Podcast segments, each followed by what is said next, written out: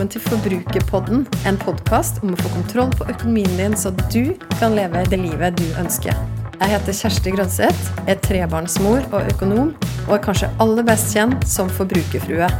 La oss snakke litt om forbruk, for alt starter med det.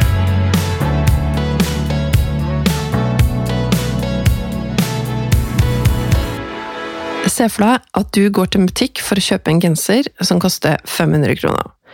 I butikken så får du vite at den samme genseren er på salg for 250 kroner i en butikk som ligger 500 meter unna. Ville du gått til det andre stedet for å få en lavere pris? Så ser du for deg at du går til en butikk for å kjøpe en TV for 5000. I butikken finner du ut at den samme modellen er på salg for 4750 i en annen butikk, som ligger 500 meter unna. Ville du gått til det andre stedet for å få en lavere pris? Hvis du er som de aller fleste som får presentert de her problemstillingene, svarte du ja på det første spørsmålet og nei til det andre. Det er interessant når du tenker på det, ettersom det i begge de her tilfellene handler om akkurat det samme, ville du gått 500 meter for å spare 250 kroner? Grunnen til at folk responderer ulikt på de to spørsmålene avhengig av hvordan de blir presentert, forklares med en helt egen vitenskap kalt atferdsøkonomi. Atferdsøkonomi kombinerer psykologi og økonomi for å forklare hvordan vi mennesker tar beslutninger om penger. Og enda mer spesifikt, hvorfor tar vi til og med folk som har ekspertise og erfaring, økonomiske valg som er inkonsekvente, irrasjonelle og som kan ende med å koste oss dyrt. Med andre ord, hvorfor tar smarte mennesker dårlige valg med penger? For en som meg, som er lidenskapelig opptatt av å hjelpe deg å ta gode valg med nettopp pengene dine, så er alt som handler om atferdsøkonomi ekstremt fascinerende. Og for din del, ved å bli litt kjent med hva som ligger bak de valgene folk flest tar, kan du faktisk gjøre det lettere for deg sjøl å ta bedre økonomiske beslutninger. I denne episoden har jeg lyst til å dykke litt dypere ned i hvordan det er vanlig å tenke feil om penger, og hvordan du ved å være klar over det, faktisk kan ta bedre valg.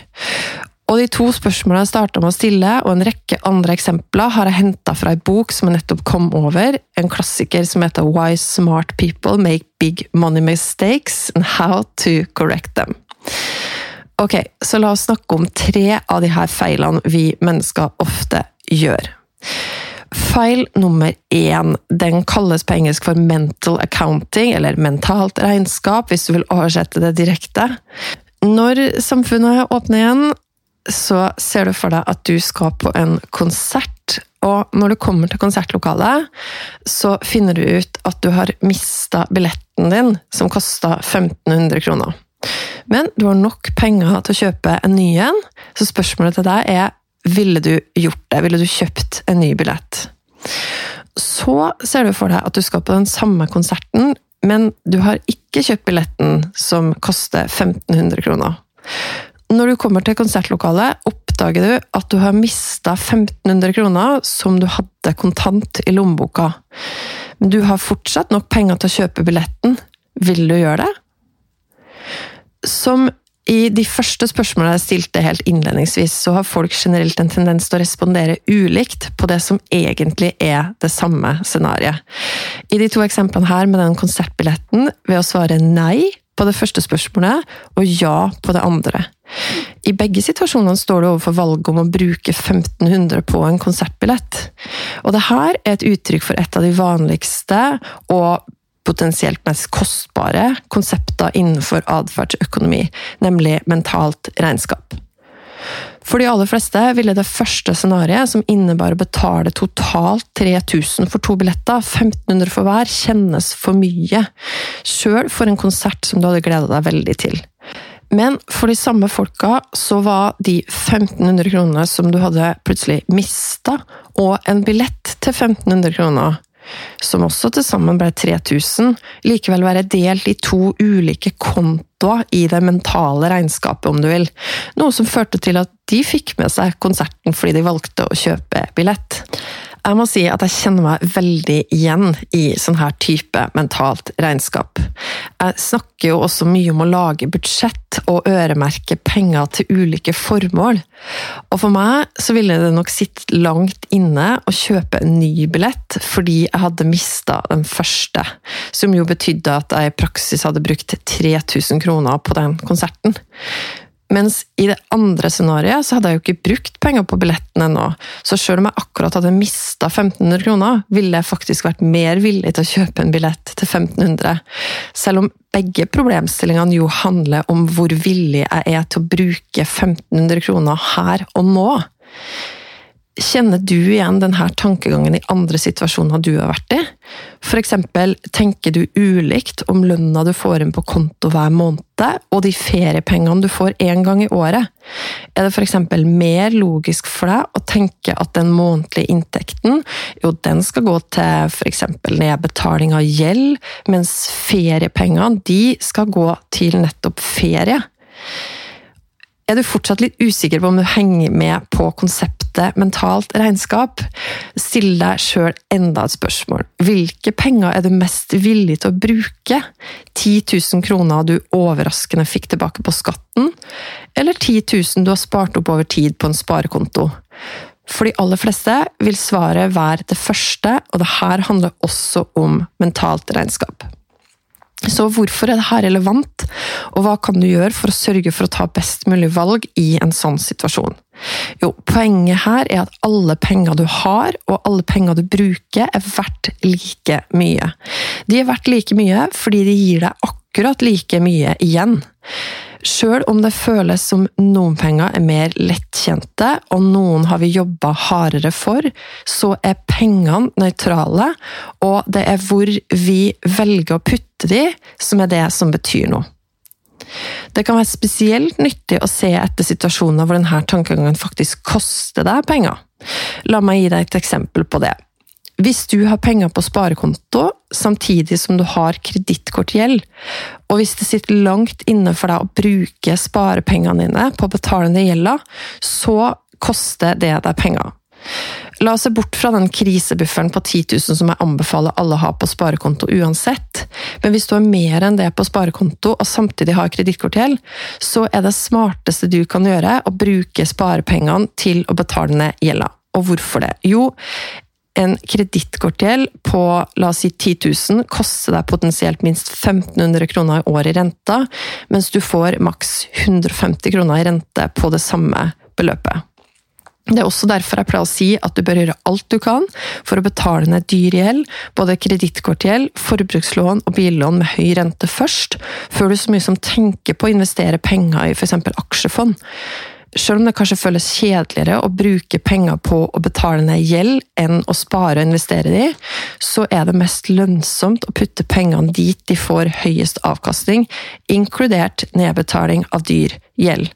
Så selv om du tenker at ja, ja, jeg kan vel spare litt samtidig som jeg har gjeld, så kan det være smart å se på det med nettopp hvor pengene dine, de pengene du skal bruke fra nå, hvor de får høyest avkastning, hvor du får mest igjen for de.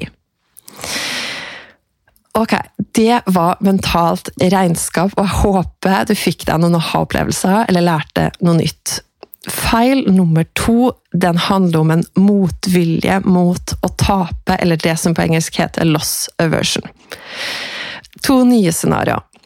Det første, se for deg at du får 10 000 kroner, og du blir bedt om å velge mellom to alternativ. Alternativ A gir deg en garantert gevinst på 5000 i tillegg til de 10 000 du allerede har fått. Alternativ B gir deg mulighet til å flippe en mynt. Og hvis du får kron, får du 10 000 ekstra. Hvis du får mynt, får du ingenting ekstra. Hvilket alternativ ville du da valgt? Se så for deg at du har fått 20 000 om å velge mellom to alternativ. Med alternativ A er du garantert å tape 5000.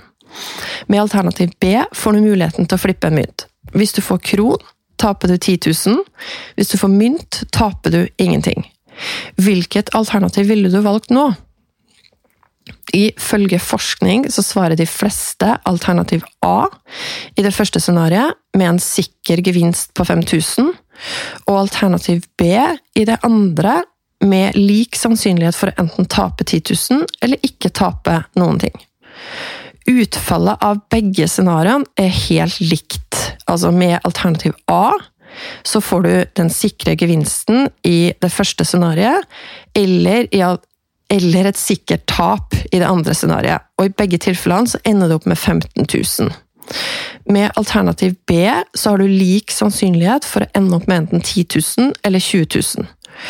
Men ved å velge alternativ A i det første scenarioet og alternativ B i det andre, så avslører folk at de er villige til å ta mer risiko hvis det handler om å unngå tap. Og å være mindre villig til å ta risiko når de får mulighet til å sikre seg gevinst. Nettopp det at du valgte jo å sikkert få 15 000, men du tok sjansen på at du kunne tape opptil 20 000 i det andre scenarioet. Et av hovedprinsippene innenfor atferdsøkonomi er at folk prøver å unngå å tape. Det betyr at smerten ved å kjenne å, tape kjennes sterkere enn gleden ved en tilsvarende gevinst. Og det her kan bl.a. forklare hvorfor investorer har så store utfordringer med å selge aksjer de har tapt på, eller hvorfor huseiere syns det er utfordrende å skulle selge huset når det er verdt mindre enn de kjøpte det for. Smerten ved å gjøre et tap endelig gjennom et salg går ofte foran andre rasjonelle grunner for å foreta et salg. Kjenner du igjen noe av det her i ditt eget økonomiske liv? Og hva kan du i så fall gjøre? Jo, det handler for det første om å begrense skaden av et tap. Det betyr f.eks. å heller satse på investering i aksjefond enn investering i enkeltaksjer. Det å investere i aksjefond krever mindre tenking og handling, som er en god ting i seg sjøl når det kommer til investering. For et par episoder siden i Forbrukerpodden så snakka jeg om lederen til Trygve Hegnar i Kapital, hvor han snakka ned det som i ettertid har blitt kalt banale råd fra flere av oss som snakker om privatøkonomi på blogger, i podkaster og i sosiale medier, og snakka om hvordan rådene i Kapital krever litt mer kompetanse og utdannelse hos leserne for å forstå aksjerådene, skattestoffet og kommentarene til makroøkonomien og videre at våre profesjonelle journalister med universitets- og høyskoleutdannelse ser mer på de harde investeringene. Det er en veldig god grunn til at det er så mange som snakker varmt om å investere pengene sine i aksjefond, og gjerne også indeksfond, som har vist seg å gi like god avkastning som aktivt forvalta fond, og som jo er billigere. Det handler om å gjøre det enkelt for deg sjøl å ta ned risikoen. De siste ukene har jeg vært litt på Clubhouse, en ny app hvor det er mulig å lytte inn til samtaler mellom ulike mennesker i ulike rom med ulike tema. Og flere av samtalene jeg har lytta inn til, har handla om investering. Og det kan virke som det er mange som har kasta seg på aksjebølgen om dagen. Og jeg blir utrolig imponert over hvor mye kunnskap helt vanlige folk har opparbeida seg om ulike bransjer og selskaper. Men la det være sagt, det er ikke ikke sånn at du må avansere til et type neste nivå fra investering i aksjefond til investering i enkeltaksjer. Hvis du har lyst til å begynne å investere i enkeltaksjer, vil det kreve mye tid og også en del penger. Fordi du ofte kan ende opp med å betale mer for å foreta kjøp og salg av aksjer enn du tjener på det, hvis du kun investerer små beløp. Du må følge med på nyheter om selskaper, og du må forstå nok til å sette sammen en portefølje av ulike aksjer som gjør at du ikke taper alle pengene dine på samme dag. Det kan være vanvittig alltid spennende å lære seg om selskaper, markeder, bransjer, trender. Hallo, du kommer jo til selve kjernen i hvordan verdiene i samfunnet skapes. Men hvis du skal ta deg sjøl og pengene dine på alvor, vil det altså kreve at du går all in. Eller at du gjør som Marna, komikerfrue, som jeg snakka med i forrige episode.